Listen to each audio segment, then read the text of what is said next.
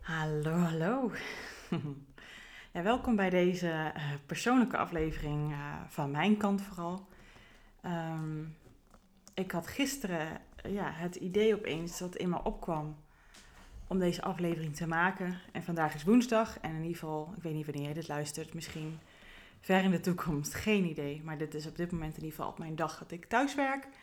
En dat ik die dag zelf invul met wel of niet werken. En, en ja, Um, soms is het een hele dag uh, niks doen, soms is het een hele dag lekker werken, soms 50-50.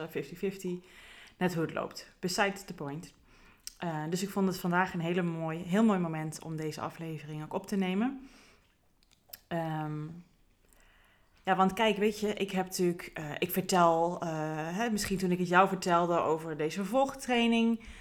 en, en wat er allemaal in zit en wat je er allemaal uit kan halen, wat allemaal voor jou kan doen. En uh, dat is allemaal waar wat ik erover verteld heb. Wat ik ook mogelijke mails die ontvangen heb geschreven heb. Dat klopt allemaal. Alleen voor mij, of niet alleen, en voor mij heeft um, iets wat nog steeds speelt op dit moment van opname.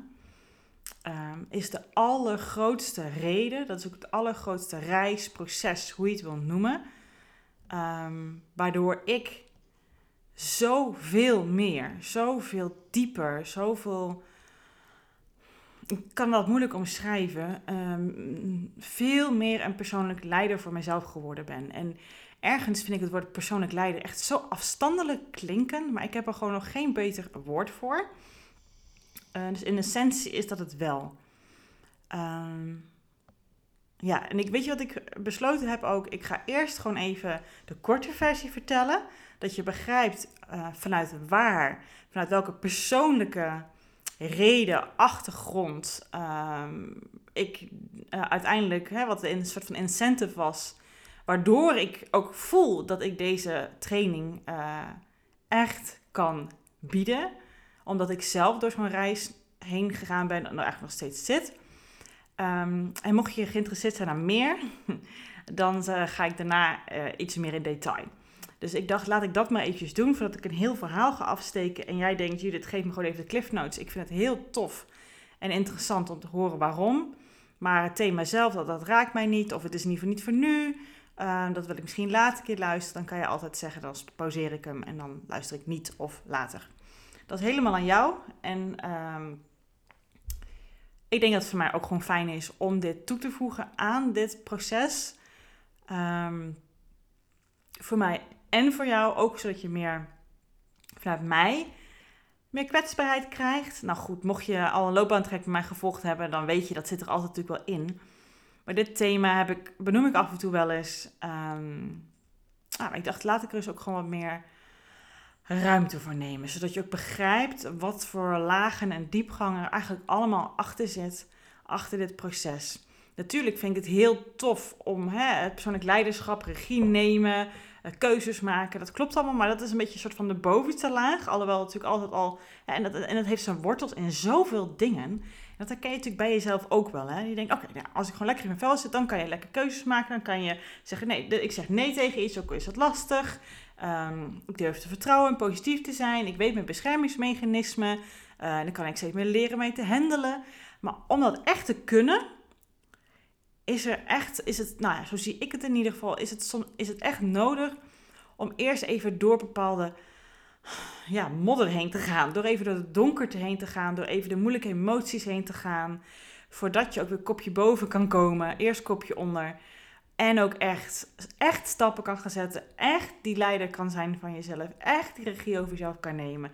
Dat is geen trucje. Dat is niet even een vaardigheid per se om te leren. Het is echt een proces en een, um, een reis.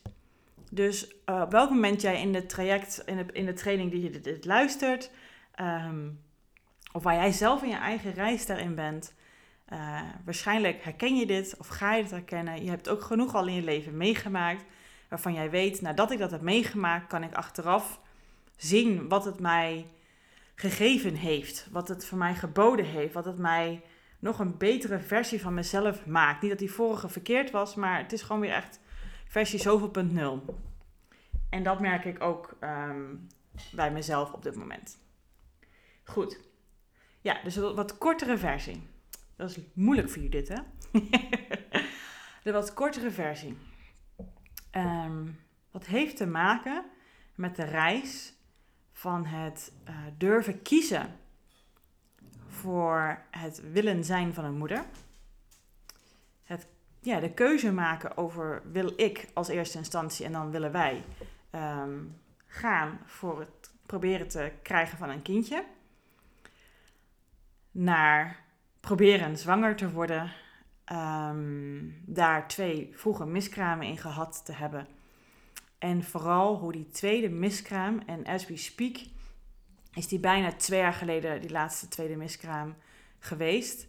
Hoe die er bij mij ingehakt heeft.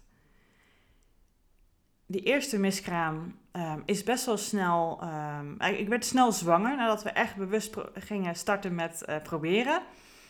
Um, ik werd heel snel zwanger. En ik was er toen echt nog helemaal eigenlijk niet aan toe. Ik wilde het wel met mijn hoofd, maar ik was er, ik was er eigenlijk emotioneel totaal nog niet aan toe. Ik weet nog hoe ik um, erachter kwam. Ik heb het wel heel leuk tegen Bas verteld, mijn man. Maar toen gingen we een paar dagen later naar mijn ouders toe, want ik voelde dat ik het wel gewoon gelijk wilde vertellen. Ik ben niet zo iemand en mijn man ook niet.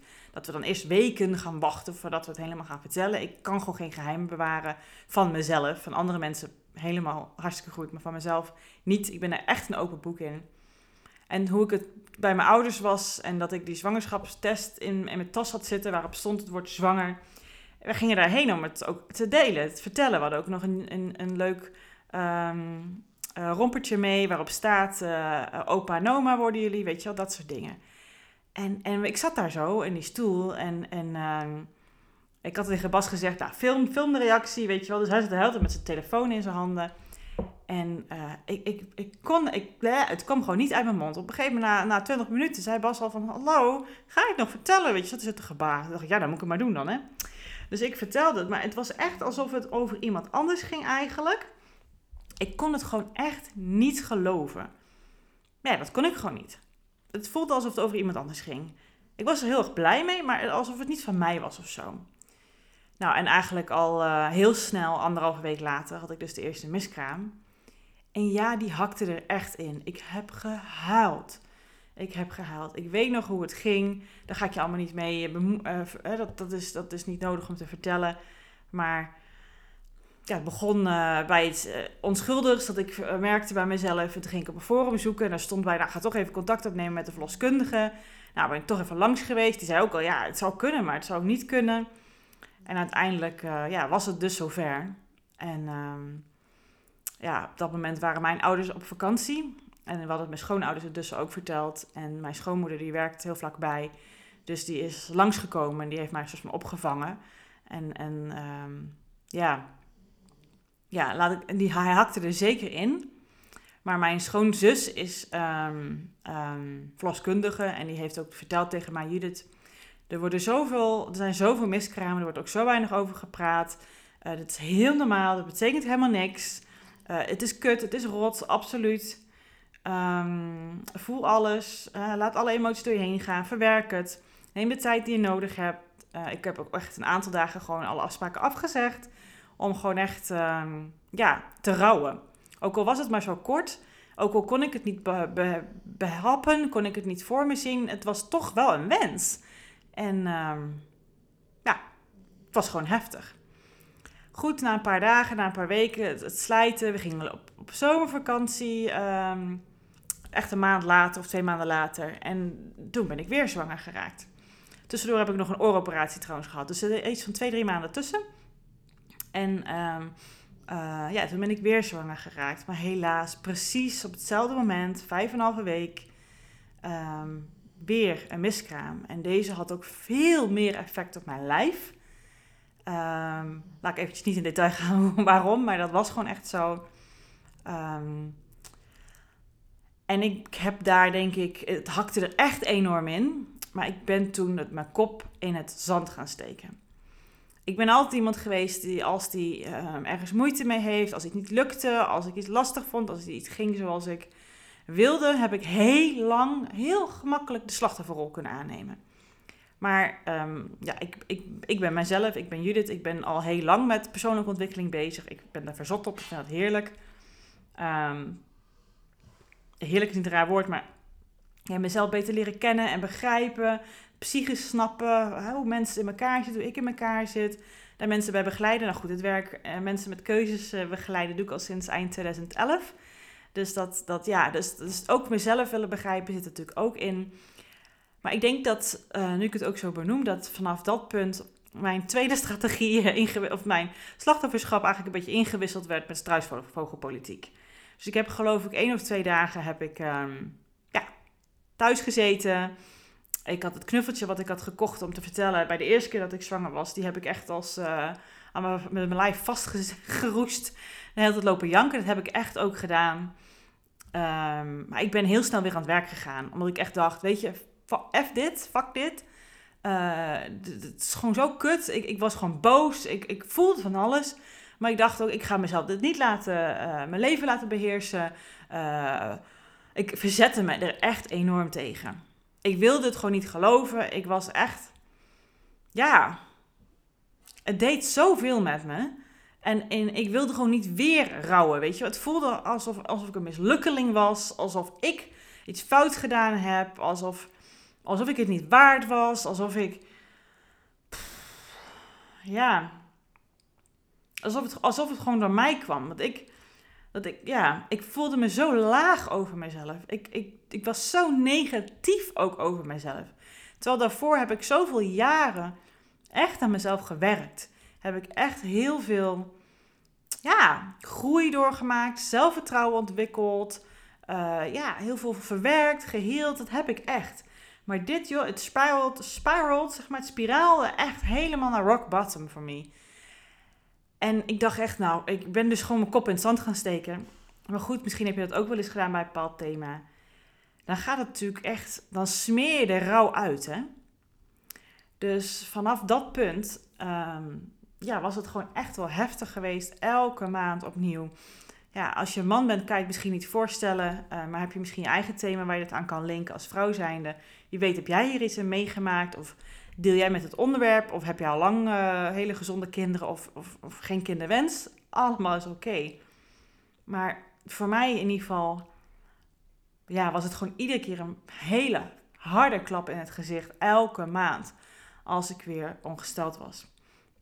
En de eerste paar maanden nadat ik dus um, tweede, na de tweede miskraam, um, was ik ook nog schijnzwanger. Mijn cyclus ging helemaal van de wap. Um, mijn lijf, dat bedoel ik met mijn lijf, was helemaal van de wap. Het duurde echt een half jaar voordat ik ook weer overleerde. Of, of echt, in ieder geval echt een aantal maanden. Op dat punt, toen ik mijn tweede um, ja, zwangerschap, of sorry, tweede, ja, zwangerschap ook en miskraam heb af, ja, was geweest.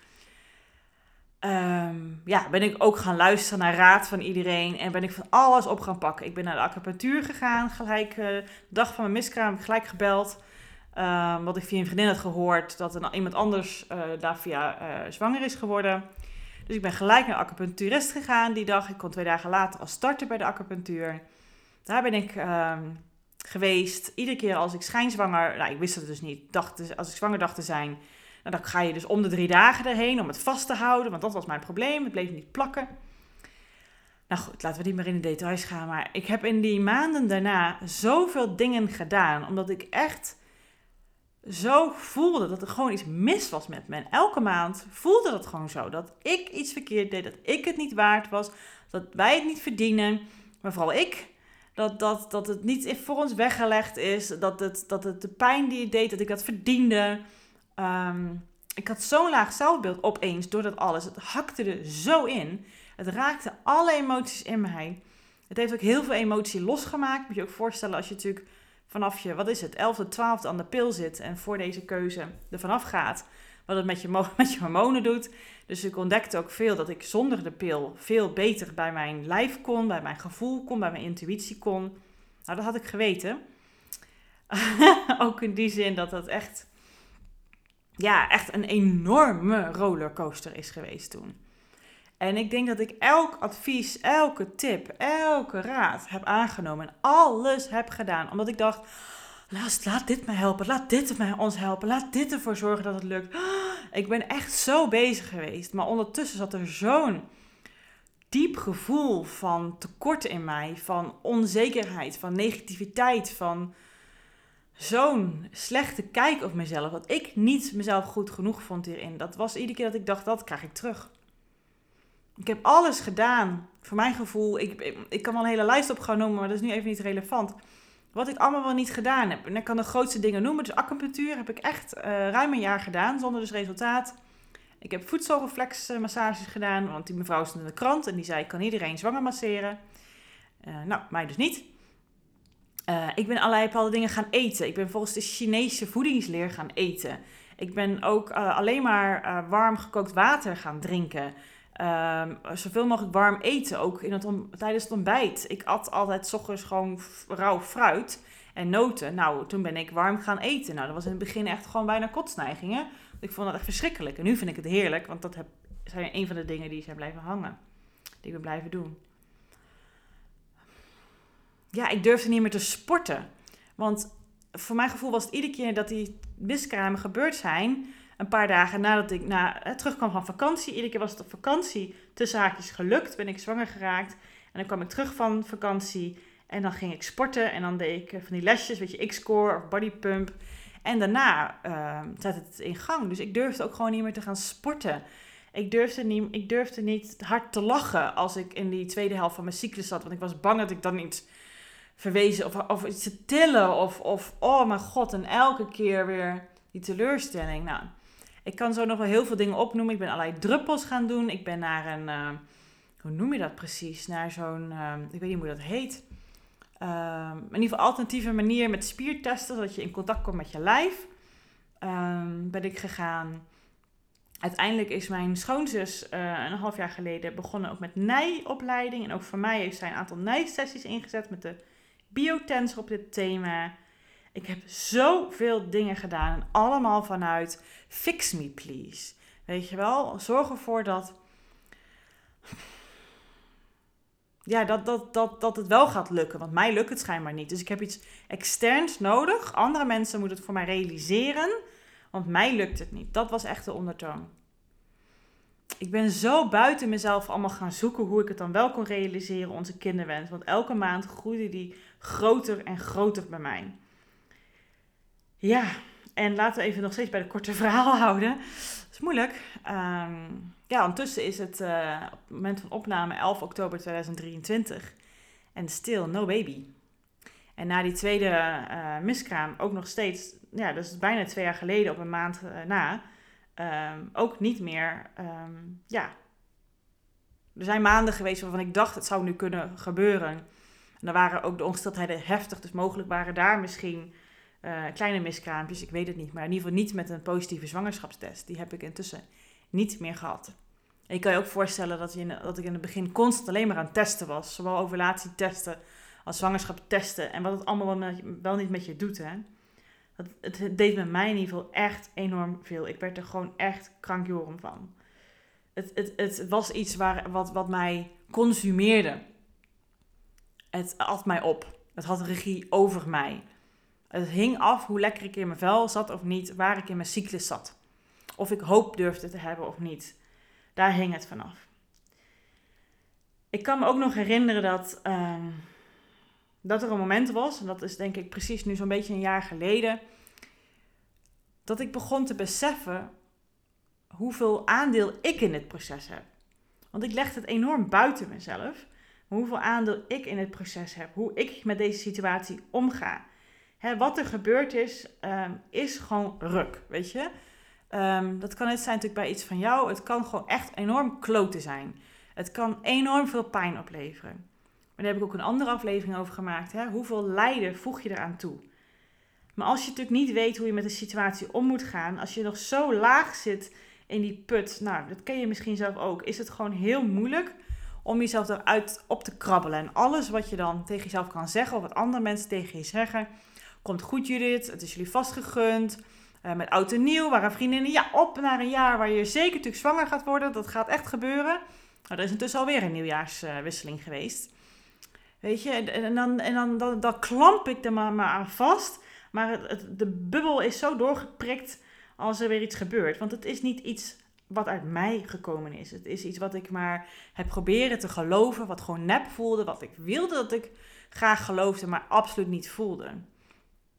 En gedurende deze tijd, en dat is dus vooral precies van de afgelopen jaar, ben ik dus gaan inzien hoeveel aandeel ik hierin heb, hoeveel regie ik hierover kan hebben, hoe ik ermee om kan gaan. Dat ik meer in een emotioneel volwassene rol kan gaan zitten. En vanaf dat punt is er denk ik wat meer een kantelpunt gekomen. Toen heb ik het echt, ik heb het al wel eerder gedaan, maar niet zo sterk als toen. Maar toen echt heb ik het echt aangegrepen als oké, weet je, dit gebeurt. I don't like it. Het is gewoon echt letterlijk kut. Ik vond het echt, het, ik denk dat dit hetgene in mijn leven is wat mij het meest gegrepen heeft, wat het het meest in mijn kern geraakt heeft. Ehm, niks anders dan dat. Het raakt van mijn gevoel. Het heeft me lang aan mijn identiteit, aan mijn zelfbeeld um, gegrepen. Um, ja, het raakt me elke keer weer zo diep. In mijn kern gewoon. Ik heb nog nooit zoiets meegemaakt. Ik bedoel, ik heb genoeg dingen meegemaakt in mijn leven. Maar dit is echt tot nu toe het toppunt. Um, maar toen ben ik het meer naar mijn hand gaan zetten. Toen ben ik gaan kijken, oké, wat wil het mij leren? Wat kan ik hier uithalen? Hoe kan ik dit beter gaan verwerken? Hoe kan ik hier meer eh, nut uithalen? Hoe kan ik hier meer persoonlijk eigenaarschap uit gaan halen? Ik ben, het, ik ben daardoor ook gewoon veel meer opener geworden over wat er in mij omgaat. Ik durfde meer uiteindelijk mijn binnenwereld te delen met andere mensen. Want heel vaak dacht ik dat dat mensen niet op zitten te wachten. Of het is te heftig voor andere mensen. Mensen weten niet hoe mee om te gaan met mijn emoties. Wat ik van vroeger altijd gehad heb. Dat mijn ouders daar nooit mee om wisten te gaan. Dus allemaal oude patronen, beschermingsmechanismen van mij zijn allemaal omhoog gekomen. En er zijn nog nieuwe bijgekomen door dit nou, trauma. Zo moet ik het echt wel, kan ik het echt wel benoemen. En ja, dan, dan, dan komt het allemaal naar boven. Maar juist doordat het allemaal gebeurd is en eigenlijk nog steeds gaande is, um, heb ik die kans aangegrepen met beide handen. Echt. En um, dat wil niet zeggen dat vanaf dat punt een stijgende lijn was. Zo gaat het natuurlijk nooit. Maar ik heb het zo aangegrepen. Ik ben ook zelf met een coach aan de slag gegaan. Ik ben ten tijde van dat ik mijn miskramen had, zat ik in een systemische opleiding die ik bij mijn eigen coach volgde. En in het begin durfde er helemaal niks over te zeggen, maar die opleiding duurde een half jaar. En aan het einde van het half jaar heb ik eigenlijk pas verteld en een klein beetje in een boekje durven open doen. Want ik was gewoon bang voor mijn emoties, dat ze mij zouden overstelpen. En dat ik me daar heel erg in zou zwelgen en alleen in zou voelen. En dat mensen maar raar vonden en het niet vervelend, ja, vervelend vonden dat ik die ruimte ervoor innam. En dat ze niet wisten wat ze moesten. En ja, dat is steeds stapje voor stapje makkelijker gaan voor mij. En vorig jaar zomer ook, eh, ik weet nog, dat weet ik nog heel goed, dat ik ook dat bewust besloot meestal als ik een kennismakingsgesprek heb voor met een loopbaanklant of met een coachingsklant, dan ga je altijd even, dat is niet bij iedereen zo, maar ergens ga je beginnen een beetje even met de praktische zaken. Hè? Waar woon je? Eh, woon je alleen? Uh, huur, koop, eh, gezin, kinderen, huisdieren, studeren, dat soort dingen. En dan vraag ik mensen ook wel eens wat terug. Of ik zeg ook wel eens, ik vertel wat over mezelf even. Weet je ook wat van mij? En dan vroegen mensen ook wel eens, Judith, heb je kinderen? Dan zei ik altijd gewoon nee. En dan ging ik gelijk door naar iets van hun. Maar ik ben vanaf dat punt ook gaan zeggen, ja, nog niet. Of we zijn er mee bezig. Of uh, ja, work in progress, weet je. Ik ben, ik ben daar opener over geworden. En dat heb ik zo stapje voor stapje, maand na maand, steeds meer gedurfd. Steeds meer, elke maand heb ik het gewoon eigenlijk gezien als een, ja, als een reis. Waardoor ik steeds weer als die ui een laagje verder durfde te gaan en kon gaan in mijn emoties. Steeds meer durven het te verwerken, het aandurven kijken, zien wat het met mij doet, oude pijnen die het raakte, daarmee, waarmee het omhoog kwam, het aanpakken, naar een coach gaan. Uh, ik ben opstellingen gaan doen, familieopstellingen heb ik het jaar gedaan. Maar dat, dat soort dingen waar, waar, was vooral vanuit intern, vanuit mij. Omdat ik merkte, die behoeftes, die impulsen, um, die komen uit mij. Niet omdat ik ergens gelezen heb of van iemand iets gehoord heb en dan moet ik dat maar doen, want hè, misschien helpt dat dan wel. Ja, ik ben zelfs bietensap gaan drinken op aanraden van mijn acupuncturist omdat dat schijnbaar heel goed is voor het lijf en voor de bloedtoevoer en, en weet ik het allemaal wat. Gadverdamme jongens, bietensap. Ik heb dat echt bijna een jaar gedaan. Um, ik vond het zo goor. Ik vond het zo goor. Maar ja, weet je, alsjeblieft, help me, weet je. Ik zocht gewoon naar de magic potion, naar de magic formula. En zeg me gewoon wat ik moet doen. Dan doe ik dat, want ik wil gewoon een kind. Wij willen gewoon een kind. Het was echt zo hoe ik me erbij voelde. Ik was echt gewoon buiten mezelf daarin. Ik zocht ook alles buiten mezelf hierin. Ik had het alleen op dat moment heus wel door dat ik dat deed, maar ik dacht dat dat, dat is wat ik moet doen. Dus ik was echt gewoon zo druk bezig. Het, het, het, consumeerde mij gewoon echt ook helemaal. Zo druk bezig met, ehm, oké, hoe kan ik mezelf verbeteren? Wat moet ik soort van add-on aan mezelf toevoegen? Wat moet ik innemen? Wat moet ik doen of niet doen? Uh, geef me dan als en waardoor ik alsjeblieft die baby kan krijgen. Weet je, op een gegeven moment werd het echt zoiets. Het was zo, ja, iets van buiten mezelf, alleen maar rationeel. Van geef me gewoon een stappenplan. Zeg me alsjeblieft wat ik moet doen, want ik weet het ook niet meer. Maar juist daardoor ben ik zo erg buiten mezelf gegaan. En langzaamaan, gelukkig, ben ik weer naar mezelf toegegaan. En ben ik steeds maand na maand steeds meer in gaan zien wat het allemaal met mij doet, wat het allemaal voor mij kan betekenen, welke lessen hier allemaal uit kan halen. Hoe ik hierin gegroeid ben, hoe ik dichter bij mezelf gekomen ben, bij mijn gevoel. En, en ja, wat ik net al verteld heb, dat dat. Ja, weet je, op dit moment sta ik op dit punt. En um, het klinkt misschien heel raar om te zeggen, maar misschien ken je dit gevoel wel. Ja, wat ik al eerder zei, dit is echt het, kutste gewoon wat ik tot nu toe. Misschien, uh, hopelijk is dat ook het enige uh, kutste. dat het geen overtreffende trap gaat komen. Wat ik in mijn leven heb meegemaakt. Ik bedoel, ik heb genoeg meegemaakt. Ik ben vroeger kaart gepest. Um, ik, ik ben super onzeker geweest vroeger als, als, als, als meisje, als tiener. Uh, ik heb ook echt zelf een keertje overwogen, uh, ja, met, met gedachten, niet echt hoe, maar met gedachten gespeeld van waarom ben ik hier op aarde. Weet je, is misschien niet beter als ik uh, er niet meer ben. Ja, ik heb ook een, een broer die, die um, nou ja, daar echt serieus wel actie op wilde ondernemen, ondernemen. En die is ook opgenomen, gedwongen door de politie die bij ons thuis geweest is. Dat heeft er ook echt enorm bij me ingehakt. Um, ja, niet, ik wil niet per se een lijstje doen van, van rot dingen of zo hoor. Maar, en ik heb uh, een paar jaar geleden een evenwichtsorgaan um, stoornis, hoe noem je dat, gehad. Waardoor um, ja, ik echt uh, een week lang op bed heb gelegen omdat mijn evenwichtsorgaan aangetast is. Wat kwam uit een oorontsteking en er een gaatje in mijn... Um, ik weet altijd hoe dat heet, maar dat vliesje in je oor uh, zit. Ik heb ook een operatie daarvoor gehad om dat weer te dichten. Daardoor heb ik aan mijn linkeroor echt flink gehoorverlies ook. Uh, omdat het gewoon niet goed behandeld is door de huisarts. En die week was ook echt super heftig. Waarvan de buurvrouw had gezegd, joh, weet je... Uh, mijn moeder die heeft het ook meegemaakt en die heeft aan meerdere kinderen gehad. En zij zegt, bevalling was minder erg dan dit. Ik zeg, nou, dan weet ik dat in ieder geval vast. Um, want het was echt niet normaal heftig. Elke millimeter dat ik mijn hoofd optilde, uh, was het alsof ik in een achtbaan zat die, zat, die alle kanten op zat. Waar ik eigenlijk een soort van uh, een, een losgegooid werd zonder gordel of, of, of ja, hoe zeg je het, karretje waar ik in zit. Dus niks hield ik binnen. Ik kon alleen maar liggen. Ik had knijten veel last van mijn rug. Nou goed, het wordt niet een, een contest hier, Judith. Maar dan nog is dit echt wel het meest heftige wat ik ooit meegemaakt heb. Ook omdat het natuurlijk al wat langer duurt. Maar het, het grote heftige is wel echt vooral eerder geweest. Waar ik elke maand jankend, jankend overstuur was. Um, dat het weer niet gelukt was.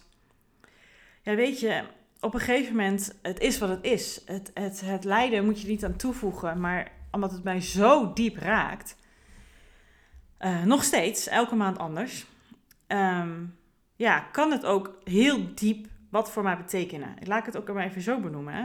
want dat is het ook echt wat het is. En dat wilde ik eigenlijk net zeggen. Het is een van de, ja, het is de zwaarste wat ik tot nu toe in ieder geval mijn leven heb meegemaakt. Maar door deze reis, die nog steeds gaande is, ben ik enorm gegroeid. Ben ik zo, zo, zo, zo, zo gegroeid. Van iemand die inderdaad zeker al echt wel een persoonlijke ontwikkeling bezig was, steeds meer durfde te voelen, ontdekte dat kippenvel een emotie was, dat, ik, dat betekende dat, dat, dat iets mij raakte. Ik kwam meer in contact met mijn lijf. Maar dat is nu zo anders. Het heeft me ook qua mijn loopbaan totaal anders um, ja, diepgang ingegeven. Connectie met mijn eigen moeder door dit thema. Want dat is gewoon, ja, het is een kwetsbare aflevering. Iedere keer had ik gewoon zo behoefte aan mama-liefde. Maar voor mij is dat een heel groot thema. Want ik heb nooit het gevoel gehad hoe hard mijn moeder ook haar best deed. En omdat ze het niet kon, zij heeft haar nooit geleerd om echt een bepaalde onvoorwaardelijke liefde te krijgen. Om gewoon wie ik ben, niet om wat ik doe. Uh, hoe braaf ik wel of niet ben, hoe lief ik naar andere mensen toe ben, hoeveel ik um, netjes goede cijfers haal. Um, dat ik gewoon door mijn zijn um, onvoorwaardelijk geliefd ben. Dat, dat gewoon door een knuffel ik de warmte kan voelen van mijn moeder en de liefde kan voelen. En dat, kan, dat mij dat kan laten troosten. Dat heb ik voor mijn gevoel niet en nooit of niet in de mate gehad die ik echt naar hunkerde. En dat is door dit hele proces wel veel beter geworden. En ja, as we speak, ik, ja, ik, ik ben net pas ongesteld geworden. Deze keer uh, hakt hij er minder erg in. Maar vorige maand ja, merkte ik ook weer dat het me heel erg raakte. En dat was eigenlijk de tweede keer dat ik daarna naar mijn moeder gegaan ben. Omdat ik gewoon weer dat, die behoefte voelde. De moeder natuur sprak. Ik wilde gewoon naar mijn moeder. En um, ja, ik kon haar knuffel voelen en ontvangen. En ze nam initiatief in, in contact maken met mij en het gevoel te laten zijn. En niet er over gevoel praten, maar in het gevoel durven zijn. En dat, dat hield mij ook. En dat het heeft eh, ook de band met mijn schoonouders en ook de band met mijn man veel, veel verder verdiept. Ik, ben, ik heb rijkere ja, relaties. Ik heb daardoor ook een veel verdere verdieping in mijn loopbaan. Ik ben daardoor ook echt geskyrocket in, in de stappen die ik gezet heb in mijn professionele leven. Als je kijkt naar twee jaar geleden. In die twee jaar is ook op professioneel gebied zulke, ben ik zo hard gegaan. Ik heb zoveel grote beslissingen genomen. Omdat ik zelf als een speer ging in mijn persoonlijke ontwikkeling en persoonlijke groei en zelfliefde en, en ja, mijn, mijn, mijn intuïtie ontdekken en dat durven te gebruiken. Niet normaal. Kijk, en het is nooit een reis die stopt. Hij gaat altijd door. Ehm, ik heb wel het gevoel dat de grootste learning curve ik wel aardig gehad heb. Maar dan nog, elke maand merk ik gewoon dat er weer kwartjes vallen, dat er weer dingen binnenkomen. Dat ik het soms met mijn hoofd weet, maar dat het nog, nog niet in mijn lijf geland is. En dat het dan, dan weer wel zo is. En ja, door die enorme rollercoaster uh, van de afgelopen uh, twee jaar, tweeënhalf jaar. Ja, is uiteindelijk ook gewoon, omdat het ook steeds meer geïntegreerd werd in mijn loopbaancoaching en omdat ik merkte dat mensen bij mij voelden, hè, ik kan ook bij andere dingen bij jou terecht. Ik bedoel, ik heb pas nog in een loopbaantraject een klant die kwam en, en die had totaal geen headspace voor zijn loopbaanvraagstuk. Had wel netjes uh, de voorbereiding gedaan. Maar hij had problemen met zijn vriendin die hem echt in ten diepste in zijn ziel gewoon raakte. En hij zei ook van ach, na het einde van het gesprek, want ik zei ook, ik zeg ja, ik vind het enorm fijn dat jij mij hierin vertrouwt en dat jij mij Hè, ook al ben ik geen relatiecoach, um, dat jij je zo veilig bij mij voelt. Hij zei, ja, daarom ben ik ook gewoon gekomen. Hij zegt, ik wist eigenlijk wel dat ik helemaal niet over hè, de inhoud van dit traject met jou, uh, dat we daar stappen in konden maken. Maar dit had ik gewoon nodig en ik wist dat ik dat bij jou kon krijgen. En, en, en dat voelt dan ook gewoon goed. En ik vind dat ook, weet je, het een staat niet los van het ander. En zo is het ook gewoon gegroeid dat ik dacht, ja, weet je, ik ben zo knijterhard gecatipuleerd onderhand in dit proces ik voel dat ik nu echt de bedding heb, echt iets te bieden heb, buiten alleen het, zingevingsvraagstukken. Ik voelde ook gewoon in mij dat zaadje groeien. Nou, misschien dat zakelijke babytje, laat het dan maar zo uh, noemen. Um, nou, ik weet niet of het zakelijk babytje is, maar gewoon in ieder geval professioneel op die manier mensen mogen helpen en bijdragen vanuit wat ik allemaal over mezelf geleerd heb, over het leven, over omgaan met kutdingen. sorry, dit is gewoon een rauwe aflevering, dus ik ga gewoon dat soort woorden gebruiken. Ik durfde daardoor te zeggen, ja, ik heb hier echt iets in te bieden, want ik heb hier een shitload aan dingen geleerd. Die ik echt zo graag wil delen.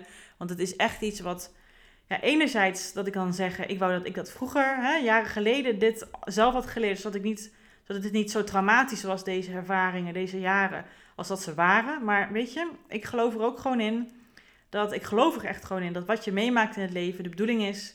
En als je het maar durft aan te kijken en aan te pakken om ook de positieve kanten, de, de, de nou, positief misschien niet het goede woord, maar de helpende kant, de verdiepende kant, de, de lessen, de inzichten die je eruit kan halen, dat je die ook durft te zien en aan te pakken. Want anders is het gewoon shit en is, het, is dat alles.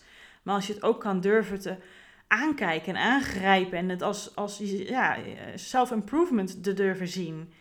ehm, dat het je heel veel kan bieden. En vandaar dat ik dacht, ja weet je, ik heb hier ook gewoon heel veel in te bieden. Ik kan hier ook heel veel in betekenen. Zo voel ik dat echt. En deze training uh, ben ik natuurlijk nu op dit moment, als ik hem opneem, aan het maken as I go. En we zijn nu bezig met de pilot. En ik weet ook zo dat als ik weer nieuwe dingen leer, dat ik dan weer de video's kan aanpassen. En dat ik dat iedere keer weer ga um, ja, bijstellen. En, en, en dat het gewoon een, soort mijn levenswerk op dit gebied wordt en is. En dat geeft mij zoveel voldoening om te doen. Dat geeft mij echt heel veel voldoening. Ja. Dus dat jongens, dat zit erachter. Mijn persoonlijke kwetsbare reden. Ehm, waardoor mijn persoonlijk leiderschap enorm vergroot is de afgelopen 2,5 jaar. Nou, korte versie. Ik zit hier te kijken naar 35 minuten. Ik ben gewoon niet zo. Ik vind het belangrijk dat je ook ja, gewoon echt wat van mij hierin krijgt. Jij stelt je ook kwetsbaar op. Jij, leert, ja, jij legt jezelf ook bloot hierin vind ik het ook belangrijk um, dat, dat je voelt dat dat gelijkwaardig is. Dat ik het ook doe, ook in de podcast. En af en toe als het functioneel is, hè, want het is natuurlijk gewoon een traject voor jou. Um, dat dat ook gewoon daarbuiten wel eens kan. Dan zijn er nog een paar dingen waarvan ik denk, nou als je zegt dit is voldoende, gewoon Judith, klaar. Uh, dan zijn er nog een paar dingen die misschien nuttig ook voor jou zijn. Mocht het thema jou ook verder aangrijpen, of mocht je gewoon geïnteresseerd zijn wat ik nog verder te zeggen heb, het blijft dan nu hangen. Want wat ik nu niet verteld heb, is ook de keuze hoe ik ervoor gekozen heb dat ik uh, een kindje wil. Dat ik een, een, een, een, een, een, een kinderwens had.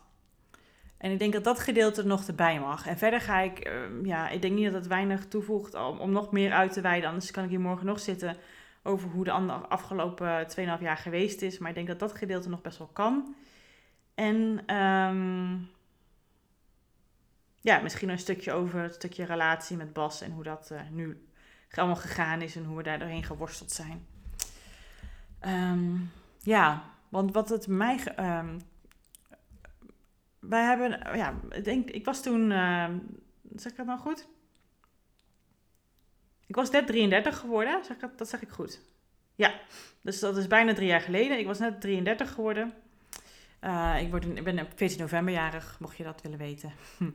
En um, wij hadden um, superleuk. Uh, we, we, we, woonden toen, geloof ik, net uh, anderhalf jaar in Ede. Onze koophuis. Um, ja, echt, echt huisje, boompje, beestje, settelen. En al onze vrienden om ons heen hadden allemaal kinderen. En Bas en ik hebben het onderwerp van kinderen en kinderwens wel eens af en toe besproken. Maar iedere keer hadden we allebei zoiets van, ja, uh, we, weten het gewoon nog niet. Ik weet het nog niet. Zeg geen nee, ik zeg geen ja. Ik weet het gewoon nog niet. Maar we hebben nog alle tijd, dus um, nee, we zijn er nog niet aan toe. We hebben wel eens gezegd, volgend jaar gaan we het iedere keer met de vakantie als we de behoefte voelen over hebben. Dus iedere keer was het, nou, ik weet het allemaal nog gewoon niet hoor. Maar toen, ja, ik was 33 geworden. Dat is natuurlijk ook al wel zo'n leeftijd. Maar die verjaardag, daar zat het thema nog niet. En we hadden dus één stel vrienden en die hadden nog geen kinderen. En dat, dat, was ook hetgene wat ons een beetje. Um, ja, dat was niet het enige. Maar voor mij was dat wel zo, laat ik het dan zo zeggen. Het voelde voor mij echt alsof al onze vrienden. Ja, dat, was gewoon een beeld wat ik in mijn hoofd had. Allemaal op een eiland waren. En daar ook heel graag voor gekozen hadden. En daar lekker aan het dartelen zijn met hun kinderen. En daar helemaal blij mee waren. En ik en die andere stel vrienden zaten op een eigen eilandje. En wij zitten lekker een feestje te bouwen.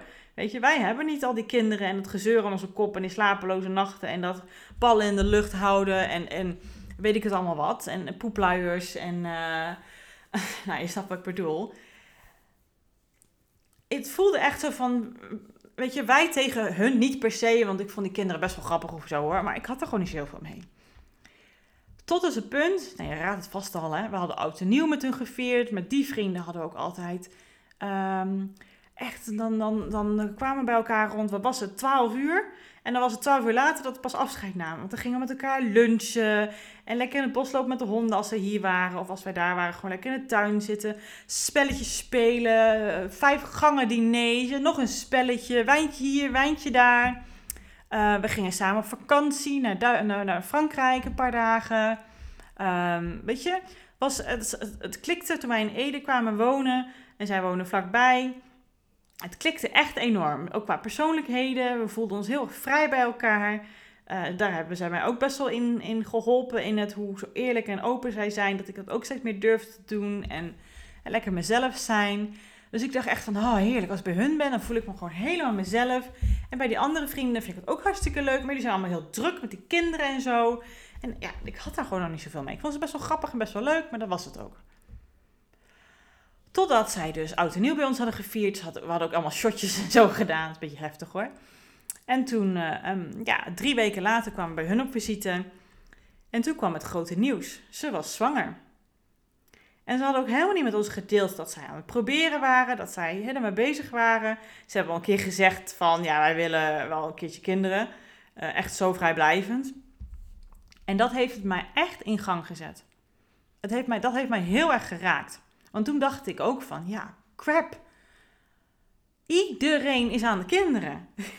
en ja, ik weet het gewoon nog niet. Ik weet nu nog niet of ik het wil. wil. Bas het wel? Wil ik het wel? Ik wist het echt niet.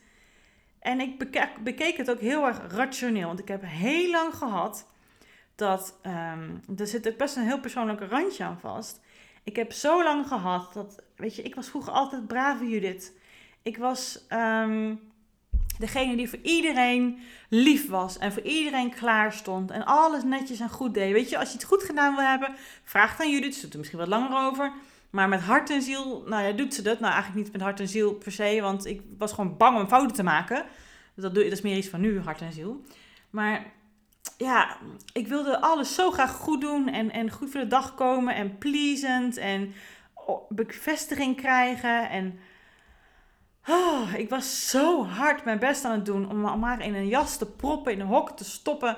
Wat ik niet eens wist of het mij was, want ik, ik, ik forceerde mezelf erin, want dat werd van mij verwacht van mijn gevoel. Dus ik deed gewoon alles wat, wat, wat verlangd werd van mij, dacht ik, wat verwacht werd van mij. Overal deed ik keihard mijn best voor. Ik, ja, ik zat heel erg, nog heel erg in mijn beschermingsmechanisme, die bij ons thuis heel goed werkt. Ik was zo'n brave Judith, ik heb ook niet gepubert. Heb echt niet gepubert, hè. Dat heb ik serieus pas de afgelopen jaren een beetje gedaan door deze hele reis. Dat ik me gaan af ben gaan zetten tegen mijn ouders. Jezus, als dertiger ga je dat eventjes doen. Goed. En toen ging ik op een gegeven moment samenwonen met Bas. En uh, uh, dat was net nadat ik mijn HBO-studie heb afgerond. Dus dat was in 2011 allemaal. En het jaar ben ik ook mijn eigen bedrijf gestart. En Bas is heel anders opgevoed. Hij is heel vrij en zelfstandig opgevoed. Kijk, allebei hebben bepaalde dingen gemist. En dat hoort ook gewoon bij opvoeding. Maar dat was zo tegenovergestelde. En de ja, wel echt onvoorwaardelijke liefde die ik kreeg van mijn schoonouders op een manier dat ik het wel kon ontvangen, denk ik zo. En ook van Bas, die heeft me er heel erg in gesteund en, en vrijgelaten. En die was er voor mij. Ook al uh, lag ik huilend op de grond omdat ik niet wist wat ik mezelf aan moest. Hij was er gewoon. Er werd niet geoordeeld. Er werd niet moeilijk mee gedaan, ongemakkelijk mee gedaan. En voor mijn gevoel was dat altijd wel. Want mijn ouders niet wisten hoe ze mee om moesten gaan met mijn gevoeligheid. Dus die heb ik zo ver weggestopt, je wil ik kon hem niet meer vinden. Um, en die is zo langzaamaan vanaf dat punt ontdooid. Maar heel langzaam aan het begin. En ik weet nog toen het eerste onderwerp, of uh, de, mijn eerste vriendin dus jaren later zwanger werd, dat ik echt zoiets had van kinderen. waarom kies je ervoor? Rammelnijstokken? echt niet. Weet je, ik, ik had pas eigenlijk het gevoel dat vanaf het moment dat ik op mezelf ging, dat ik mijn eigen bedrijf ging hebben, dat ik echt eigen keuzes ging maken, volwassen gevoel uit huis, dat toen pas mijn leven echt begon. En het klinkt misschien heel dramatisch, maar emotioneel gezien wel. Want ik zat niet vast meer in die patronen die ik zo hard aan mezelf voelde trekken toen ik thuis woonde. En het is niet dat het mijn ouders schuld is. Ik heb het zelf gedaan. En het is niet dat het jouw schuld is als je dit denkt, oh dan heb ik het schijnbaar. Het heeft niks met schuld te maken. Maar je bent zo hard in die verleiding om, weet je, het is moeilijk om eruit te stappen als je erin zit. Dat is gewoon echt heel moeilijk. Dus toen ik eruit stapte door hè, op, samen te gaan wonen, daar begon het. En vanaf dat punt voelde het echt pas dat ik dacht, oh, ik kan weer ademen. Ik kan, ik kan, ja, dat gevoel had ik echt. En ik was nog steeds een papa en mama's hoor. Dus als ik me had buitengesloten, de sleutel vergeten, dan belde ik mijn ouders om de reservesleutel te komen te brengen. Ik gaf hem echt niet aan de buur hoor. Nee, dus weet je, ik, ik was nog echt uh, heel erg in, in, in een symbiotische relatie met moeder. Maar stap voor stap, jaar na jaar, kwam het losser. Dus mijn twintige jaren, vooral vanaf, ik denk vanaf nou ja, nou ja, elk jaar wordt het beter in ieder geval. Ik weet echt niet meer vanaf welke leeftijd ik, vanaf, vanaf 19 geloof ik, zeg nou goed, ben ik het huis uit gegaan. Volgens mij was dat waar. Maar ik denk echt, ehm, ik weet het niet zo goed meer. Nee, 19 ben ik mijn HBO-studie gaan doen. Weet je, het boeit allemaal niet zoveel. Na mijn HBO-studie in ieder geval. Uh, dat is dus, dat, nee, dat is dus uh, 12 jaar geleden. Dus dat is. dat is. Even kijken. Zo, ik had hem even stopgezet, want uh, ik dacht, ik reken het eventjes uit. Niet mijn grootste talent, maar 23 jaar. Dus toen ik 19 was, uh, ben ik uh, mijn HBO-studie gestart, personeel en arbeid, heet nu HRM. En toen ik 23 was, um, was ik afgestudeerd en ben ik met Bas gaan samenwonen. En ben ik dus ook mijn eigen bedrijf dat najaar gestart. Um, ja, en vanaf dat moment had ik echt het gevoel dat ik los kon komen van al die patronen, van al die beschermingsmechanismen die mij voor mijn gevoel heel erg klein hielden. Die mij heel erg terugwierp naar, naar ja, wat, wat, wat je in stand had als je nog thuis woont, zeg maar. Die verleiding is gewoon zo groot. En Bas is zo anders opgevoed en hij liet me daar gewoon heel erg vrij in, gewoon door te zijn wie hij is. En hij steunde me met alles wat ik deed, ook al maakte ik een fout, ook al, wat is een fout tegenwoordig, hè? maar zo voelde dat toen. Ook al had ik een succes, hij was er. En dat was zo fijn. Zijn aanwezigheid, zijn steun, en ik deed natuurlijk ook voor hem, was voor mijn gevoel, en niemand is hier schuld aan, of, of is hier raar of stom, of wat, doet niet, boeit niet. Um, maar niemand was hier de schuldig aan, maar dat, ik kon weer ademen voor mijn gevoel. Ik kon groeien. Ik kon uit het panzer breken, uit, uit de breken wat ik zo lang mezelf in klein gehouden heb. En ik kon er eindelijk uit breken, weet je. Ik kon eindelijk ah, loskomen daarvan, groeien, ontwikkelen. En voor mijn gevoel niet in een omgeving zitten die me zo makkelijk terugtrok naar die oude patronen. En iedere keer als mijn ouders langskwamen, voelde ik die trekkracht weer hoor. Dat was echt zo. Iedere keer was als mijn ouders langskomen, dan was ik keihard aan het schoonmaken. Omdat ik alles blinkend schoon wilde hebben. Want ja, mijn ouders zien alles en die letten overal op. En ze bedoelden het echt verkeerd. Dus ze bedoelen het echt niet verkeerd.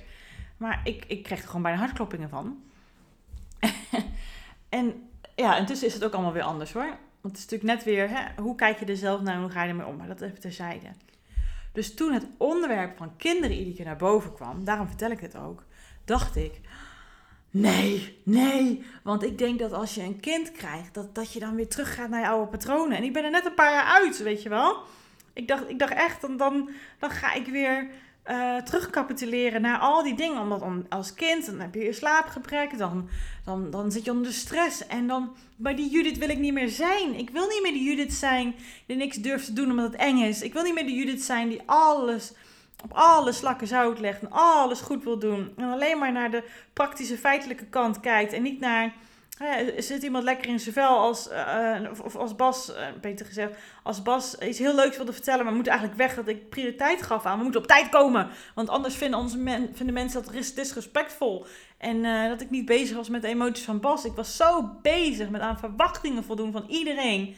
En de belangrijkste mensen en belangrijkste aspecten in mijn leven, die verwaarloosde ik daarvoor. Omdat ik zo bang was dat mensen me dan zouden afwijzen of afkeuren, me, me afstoten. Dan was ik gewoon heel erg bang. Oordelen was ik gewoon zo bang voor. En ik was er eindelijk los van dat ik gewoon zo bang was. Dat als ik dan dat pad op zou gaan. Ja, ik kan me dat nog zo wezenlijk herinneren. Dat ik daar zo bang voor was. Dat, ik dat, dat was mijn grootste reden waarom ik geen kinderen wilde. Ik hoop dat je begrijpt wat ik hiermee bedoel. Ik was daar, ik was daar echt wezenlijk bang voor. Dat als ik als, ja, dat ik, dat ik weer die kant van Judith naar boven kwam. En dat, en, dat, en dat wilde ik niet. Ik wilde het echt niet. Dus ik ben ook serieus allerlei gesprekken aangegaan met mijn twee beste vriendinnen. Met mijn moeder zelf op een gegeven moment, met Bas natuurlijk ook. En op een gegeven moment ben ik ook naar mijn eigen coach gegaan. Um, en ik heb op verschillende manieren dit ook getackeld. En ik heb ook met Bas afgesproken. Ik vind het belangrijk dat we allebei voor zich bepalen of we het wel of niet willen. En dan komen we bij elkaar. En dan zeggen we tegen elkaar. En dan hoop ik dat het natuurlijk hetzelfde is. En dit proces, daar begon eigenlijk deze hele reis. Maar ja, niet de heftige reis. Maar dit proces um, ja, was dus echt uh, in het begin van, uh, uh, ja, dus, dus um, zeg ik nou goed, het is nu 2023. Dit was begin 2021 precies. In januari hoorden dat nieuws, dat, dat die vrienden zwanger waren. waren dat, dat had me echt ergens in geraakt. Ehm, omdat ik echt dacht, ja, oké, ik moet toch echt wel iets met dat thema. Ehm, en op een gegeven moment hè, kwam er vanuit mij wel iets dat ik zeg, nou, ik wil dat we allebei daar voor zich een keuze maken. En um, ja, als we eruit zijn, dan geef het aan elkaar aan. Als de ander nog niet uit is, dan geef die ander nog even ruimte. En ik weet niet welke tijdsframe hierin zat, maar wederom dus met vriendinnen gekletst uh, over de voor's en tegens en zo. En, en uh, naar een coach geweest en, en, en al dat soort dingen. Um, maar ja, als ik met vriendinnen aan het kletsen was, was het heel erg vanuit mijn hoofd. Ik zag heel erg de voor- en nadelen. Vandaar dat ik dus ook naar mijn coach ging, omdat ik wilde een, ik wilde een laagje dieper op dit thema gaan. En dat heeft ook wel geholpen dat ik dat ook kon. En ik weet niet welke, wat ik net al zei, welke tijdschema het is. Maar ik kan me heel goed herinneren, heel vaak als ik hier in Ede lekker met de honden aan het wandelen was. En liep in het bos. En soms ging ik wel lekker een beetje mijmeren over, het proces, over dat idee. En de ene dag neigde ik naar wel, de andere dag dacht ik, nou, ik weet het nog niet zo zeker. Zo ging het heen en weer. En ik kan me nog bijna herinneren, ja, ik weet nog waar ik liep, gewoon in het bos. Die route doe ik bijna elke dag. Maar dat moment kan ik me nog zo goed herinneren. Ik was er weer eens met me aan het mijmeren. Uh, en opeens, ik voelde opeens zo sterk. Zo sterk. Een gevoel van, ja, kak. Ook dat. 2 in 1 was het. Het was, ja, oh my god. Ik voel het nu in heel mijn lijf dat ik dit heel graag wil. En ik dacht, kak, want ik denk, oh mijn help. Dat is wel even wat. Zeg, wat gaat mijn leven dan op zijn kop gaan staan? Nou, dat, dat heeft het ook gedaan, maar niet op de manier zoals ik had verwacht. Want voor mij voelde het, en daar ben ik later achter gekomen, dat dat eigenlijk de grote reden was waarom ik graag eh, op dat moment ook koos voor een kindje. En ik kies er toen nog steeds voor. Voor mij zag ik een kindje als onvoorwaardelijke liefde. Ik dacht, kindje, uh, zwanger worden, een kindje eh, creëren, dat is gewoon zo'n homp aan liefde. En daar verlangde ik zo erg naar. Ik verlangde daar zo erg naar, naar onvoorwaardelijke liefde. En dat was het gevoel wat ik in mij voelde. Ik denk, ja, en dat wil ik. En dat koppelde ik aan die kinderwens. En uh, ik weet nog een paar dagen later, toen ik dat gevoel echt wel steady had, toen heb ik tegen Bas gezegd, ik zeg, heb jij er al over nagedacht? Ben jij erbij stilgestaan? Hij zei, ja, ik heb dat. ik zeg, ben jij eruit? Hij zegt, ja, ik denk het wel. Ik zeg, ik ook. En toen zei hij, vertel eens. Ik zeg, nou, ik denk, ik zei heel schoorvoetend, ik denk dat ik waarschijnlijk ja neig naar ja. En zoals Bas heel vaak is, een man van weinig woorden, hij zei, ja, ik denk dat het echt een grote verrijking van ons leven gaat zijn. Nou, ik was toen gelijk weer helemaal flabbergasted. ik vond het wel heftig om die emoties toe te laten van mezelf. Dat ik dat wilde. Ik vond het wel hartstikke eng. En toen kwam hij daarmee. Nou, ik heb ook weer nachten wakker gelegen tijdens deze hele proces van keuzes te maken. Nachten wakker gelegen. Omdat ik zo aan het hersenkraak hierover was, wat ik ermee moest. Nou, toen kwam hij hiermee. Dan was ik daar weer een nacht wakker. En toen was het op een gegeven moment van, oké, en wanneer gaan we dan starten? Nou, toen hebben we het gewoon heel rationeel gedaan. Hoeveel, hoeveel pilstrips hebben we nog? Nou, dan maken we die af. Nou, toen kwamen we uit, geloof ik, in de maand mei. En dat was dan de laatste uh, pilstrip. En toen heb ik de eerste twee, drie maanden nog een knallende koppijn had, uh, had ik tijdens dat het slim is om te proberen. Uh, en pas daarna, de eerste keer dat we het echt rond die periode geprobeerd hebben, toen was ik ook gelijk zwanger. Maar goed, niet, ja, die heeft niet doorgezet. Dat is ook even een korte samenvatting hoor. Maar ik, ik heb ook heel af en toe wel eens gesprekken met mensen in mijn coachpraktijk die zeggen ook van ja, ik weet helemaal niet of ik wel een kind wil. Omdat ook, ik hoor ook heel vaak dit thema, weet je. Je, je bent gewoon heel erg bang dat het iets in jou naar boven gaat roepen. Of dat je leven dan heel anders gaat zijn. Of dat je geen vrijheid meer hebt. Of dat het iets met jou gaat doen.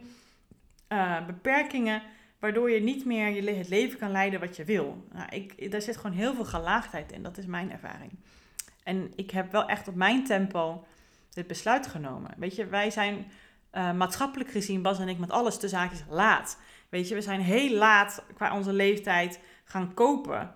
Um, ook gaan samenwonen. Uh, kinderen dus ook. Um, wat voor nog meer van dat soort dingen? Ja, vast nog wel meer. Maar en, uh, trouwen, ook laat. Weet je wel, wij waren um, tien jaar samen toen we getrouwd waren. Maar voor ons voelde dit echt fantastisch goed. Het is ons tempo. Alleen wat natuurlijk met een kinderwensstukje is, is dat je gewoon een biologische klok hebt. Ik bedoel, een huis kopen, kijk, kijken wanneer het handig is economisch gezien en wanneer je er aan toe bent. Maar ja, dan moet je eitjes in gaan vriezen, maar dat heb ik niet gedaan.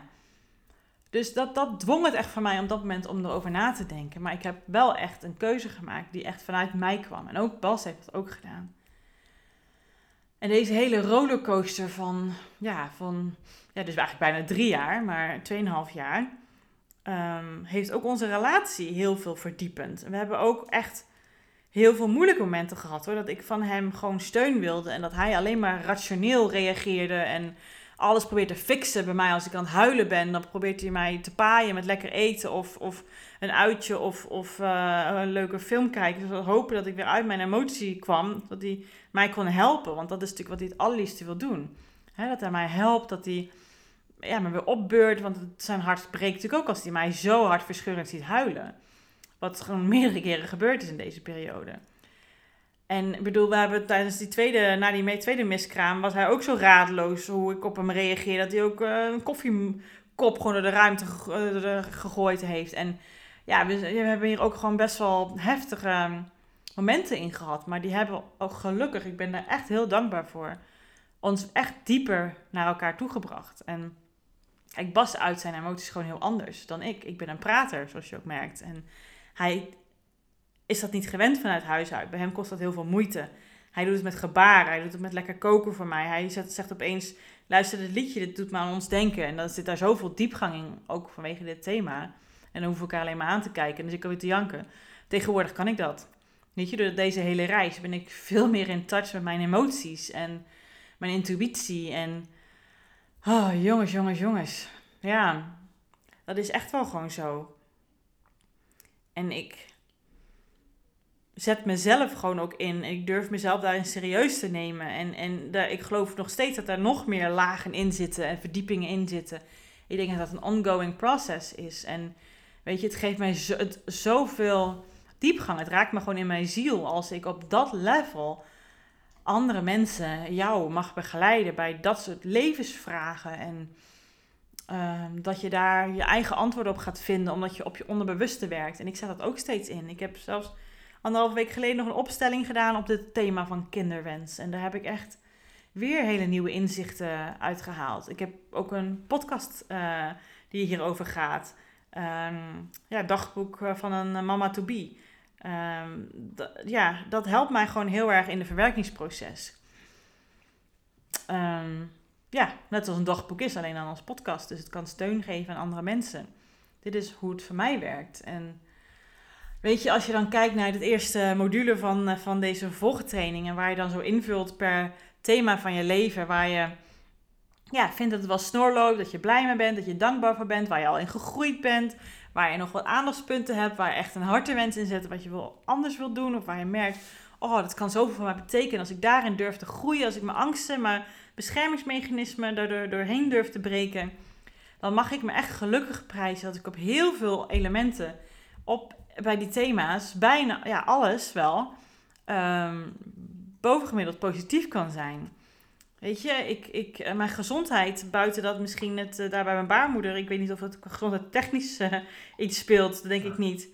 Uh, ja, mag ik echt afkloppen dat, dat ik daar heel weinig van heb buiten mijn ooroperatie eerder. En ik, ik heb zoveel um, ja, connectie met Bas qua relatie, vrienden, familie.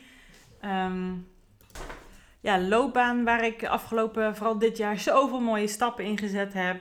Qua het creëren van het loopbaantraject waarvan ik denk, wauw joh, als ik, in, als ik met dat soort vragen zitten, zou ik zulke verdieping daar ook echt in willen hebben. Ik heb er mezelf zo ingestopt. En nu ook deze vervolgtraining. Mijn kijk op geld is ook enorm veranderd. Het durven investeren in mezelf is zo veranderd. Ja, persoonlijke ontwikkeling is überhaupt meegegaan daar heel erg in. Ja, mijn zelfliefde, mijn, mijn beeld naar mezelf. Ik heb daar rock bottom in gezeten twee jaar geleden. Maar het is zo enorm verdiepend. En ik voel dat gewoon. Ik heb mezelf zo enorm geaccepteerd daarin. Het is niet normaal. Het enige wat, welk thema ik dan dus zou hebben, waar ik dan moeite mee zou hebben, is gezin. Is, is, is hè, het, het hebben van. Ja, ik ben heel blij met ons gezinnetje nu, uh, Bas en onze twee lieve honden. Maar er mist echt iets. En weet je, joh, ik vraag maar om één kind, jongens. Wat, wat vraag ik toch allemaal?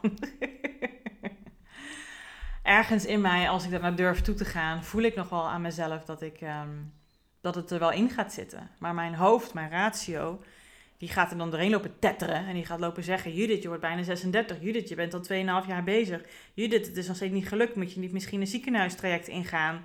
Uh, Judith, uh, als je nog wil, moet je opschieten. Hè? Want als je, hoe ouder je wordt, hoe meer complicaties bij een zwangerschap en voor het kind. Uh, bla bla bla. Ja, dat klopt allemaal wel. Alleen mijn lijf kan nog niet mee. Mijn gevoel kan nog niet meegaan erin. Ik, ik ben er nog niet klaar voor. En ik wil heel graag um, trouw zijn aan mezelf. Ik wil die persoonlijke leider zijn van mezelf. En dat is ook de, ja, de wake-up call die ik deze week toevallig echt ook gehad heb. Dat ik denk, ja, ik was weer een beetje weer extern gaan zoeken. Omdat ik ja, dacht, ik ben, word volgende maand 36. Ik heb gelijk weer een gesprek ingepland bij het ziekenhuis. Van oké, ehm, als we als ik met jullie verder ga qua een traject om onze kansen te vergroten, ziet het er allemaal uit? En, en die, ja, we praten erover en, en het voelt aan alle kanten gewoon niet goed. En als ik dan natuurlijk stappen ga zetten die alleen maar vanuit mijn hoofd komen, dan ben ik niet trouw aan mezelf. Dan ben ik niet een persoonlijke leider voor mezelf. Want dan ben ik weer bezig met het extern zoeken. En dat wil ik niet meer. En dat klinkt misschien heel raar om te zeggen, maar dat durf ik intussen wel te benoemen. En ik hoop absoluut niet dat het gebeurt. Maar ik denk dat ik ehm, het erger zou vinden als ik niet trouw zou zijn aan mezelf dan geen kindje kunnen krijgen. Ik vind het belangrijker om trouw te zijn aan mezelf, aan onze, mijn relatie met Bas. Doen waar wij achter staan met heel ons hart en ziel en hoofd. Um, dat ik mezelf in de, ogen, in de spiegel kan aankijken, in de ogen kan kijken en kan zeggen: Ja, ik doe. Ook al is het eng, ook al neem ik misschien een risico hier, ook al zou het misschien sensible zijn om wel uh, naar het ziekenhuis te gaan. En um, hè, gezien alle feiten, maar ik ben er nog gewoon nog niet klaar voor. Het voelt nog niet goed en misschien is het over een maand anders. Maar ik wil mijn eigen tempo volgen. Ik wil mijn eigen gevoel volgen. En ik denk dat als ik het met de juiste energie doe, met de juiste intentie, dat het ook alleen maar dan gaat slagen. Daar geloof ik heel heilig in. En ik denk als je ergens in gelooft dat het ook zo is. Dus ja, het breekt ook een beetje mijn hart om dit te zeggen. Ik, ik durf het ook niet, nog niet helemaal te voelen dit. Dus ik zeg het half rationeel dit. Maar dat, is wel wat het is. Maar goed, de volgende keer dat ik ongesteld ben, ga ik het waarschijnlijk wel weer aan, uh, aan twijfelen.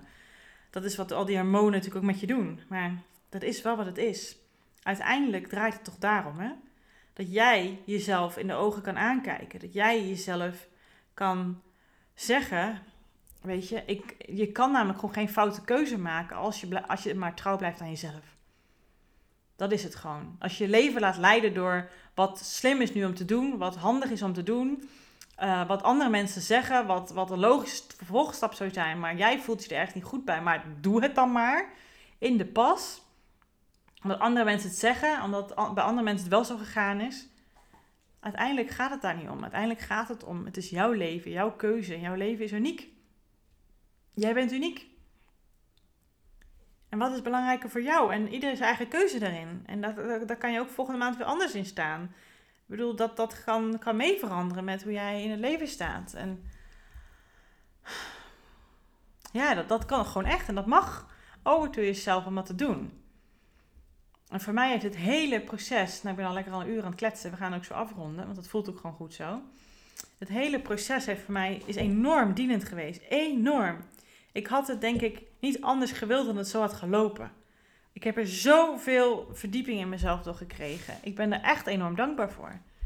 Maar ondertussen denk ik wel, ik voel me nu echt meer dan ooit klaar om ons gezinnetje uit te breiden. Het lijkt mij zo mooi om dat, om dat te mogen meemaken. Om te mogen meemaken dat Bas en ik een, een, een zieltje hier in deze wereld kunnen brengen. Die wij mogen um, ondersteunen, liefde mogen geven, mogen de wereld ontdekken, mogen um, ja, de grenzen opzoeken, mogen, mogen vormen of medevormen, mogen een plekje laten creëren in deze wereld, hoe, die persoontje, hoe dat persoontje, ons kindje dat graag wil.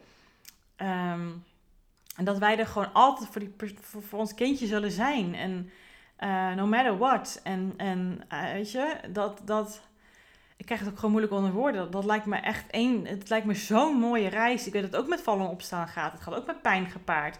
Maar die diepgang in mijn leven lijkt mij zo'n. Ja, en ondertussen, ik wou het bijna zeggen, ondertussen kan ik echt delen wat mijn man 2,5 jaar geleden zei. Het lijkt mij echt een enorme verrijking van mijn leven. Inclusief de slapeloze nacht, inclusief de poepluiers, inclusief het allemaal. Lijkt me zo heerlijk om, ja, onderdeel te mogen zijn van zo'n prachtig reis van, van een klein babytje, van een zieltje, uh, dat wij mogen laten opgroeien in ons warm nestje. Wij hebben allebei zoveel liefde te geven en zoveel lol en zoveel steun en zoveel troost en zoveel wat dan ook is. Dat hebben wij allebei in ons en ik zou dat zonde vinden als dat verloren zou gaan, als we dat niet mogen doen. En wie weet als het toch het geval zou zijn dat wij niet een kindje samen kunnen creëren, dat dat misschien op een andere manier wel plek zou krijgen. Maar voor mij voelt het in ieder geval zo dat dat echt het meest ultieme is om te doen. En ergens ja, vind ik het nog best wel eng om daar vanuit te durven gaan. Maar denk ik dat het nog wel in ons ehm, leven bedoeld is om te doen. Alleen wanneer en hoe, weten we niet. Misschien is het wel via een ziekenhuistraject. Maar dan alleen als we er ook allebei echt achter staan. Dat het niet zoiets is van, zoals mijn man zei toen ik er vroeg aan hem of hij erover na wil denken, zei hij ja, het duurt nu wel heel erg lang. Hè. Misschien moeten we daar maar eens naar gaan kijken. Weet je, dat is een hele andere. Zo had ik het toen ook in. Weet je, het doet gewoon te veel pijn. Dus uh, we moeten maar, weet je we moeten wel. Nee, ik wil het niet vanuit moeten doen. Ik wil het vanuit willen doen. Ik wil het vanuit een keuze doen. Omdat ik erachter sta. Omdat we erachter staan. En dat bedoel ik met trouw zijn aan jezelf. Dat bedoel ik met eigen persoonlijk leiderschap zijn. En persoonlijk leiderschap, trouw zijn aan jezelf, dat is een proces wat je hele leven door kan gaan als je dat wil. En ja, je leeft ook gewoon lekker door, maar het gebeurt toch wel, of je nou wil of niet. Maar je kan het verder vergroten als je dat wil, zodat je ook nog veel meer mooie dingen kan halen uit jezelf en je leven. Dus op die manier, ja, geen spijt van hoe het allemaal gelopen is. Ik wil niks terugdraaien, want dit is gewoon onze reis, mijn reis. Ehm, maar goed, ja, we hebben altijd wat te wensen. En ehm, ik weet ook wat me nu te doen staat in het proces om ehm, ja, hier beter mee om te gaan. Om het fijner te laten verlopen. Maar dat is even misschien voor een andere keer een gesprek. Dat weet ik door die opstelling die ik zo gedaan heb. En dat is in ieder geval bij mij het thema wat ehm, ja, speelt. Maar voor de rest, jongens, ik mag ook in mijn handjes knijpen. Het is en-en. Ik heb een prachtig leven. Fantastisch. Ik, ik, ik vind het zo mooi wat ik, hoe, dankbaar ik durf te zijn en ben voor alles waar ik um, ja, ook voor jou in mag betekenen. En, en dat ik jou daar ook, ook in dat geval hè, in mag bijstaan en daarin mag steunen. En dat geeft mij zoveel voldoening. Daar haal ik zoveel uit. En omdat ik mezelf er ook gewoon in stop. En omdat ik het zo waardeer als andere mensen zo stoer en kwetsbaar tegelijkertijd durven zijn. En ik vind dat eigenlijk een synoniem aan elkaar. Ja. Zo. Nou, dat was een lange verhaal, lange aflevering. Uh, ik ben benieuwd of jij hier iets, of het ergens iets bij jou raakt, of, of het iets met jou doet. Misschien ook helemaal niet. Het is allemaal oké. Ik kan het verhaal nu gewoon vertellen met droge ogen. Um, ja, ik heb wel eens in mijn dagboekpodcast uh, van een wensenmoeder of Mama to Be, hoe die ook heet, um, echt genoeg gehuild hoor. Uh, omdat ik dan middenin zo'n emotie dan ja, een aflevering opnemen, wat mij gewoon heel erg helpt. En nu kan ik er makkelijk van afstandje naar kijken. Maar ik wilde toch heel graag dat dit ook onderdeel is van deze vervolgtraining. Zodat je ook misschien de diepgang kan begrijpen, wat hier ook achter zit. En natuurlijk gaat het om um, de behoeftes en de elementen die nodig zijn om dit te realiseren. Maar ik heb deze bedacht omdat ik weet, niet alleen bij mezelf, maar ook bij andere mensen, het onderzoek wat ik gedaan heb, wat hier allemaal bij hoort. Um, ja, om deze reis te ondersteunen. Dus jij weet in ieder geval nu wat meer de achtergrond hiervan. En ik wil in ieder geval zeggen, dankjewel voor het luisteren hiervan. Tot waar je ook geluisterd hebt. En uh, ja, het onderwerp is nu voor mij gewoon heel makkelijk ook te bespreken. Um, ja, dus dat is ook gewoon oké. Thank you. En uh, nou, tot de volgende module of een volgende sessie. En als je hem geluisterd hebt, voel je niet verplicht om er iets over te zeggen. Dat is ook helemaal niet nodig.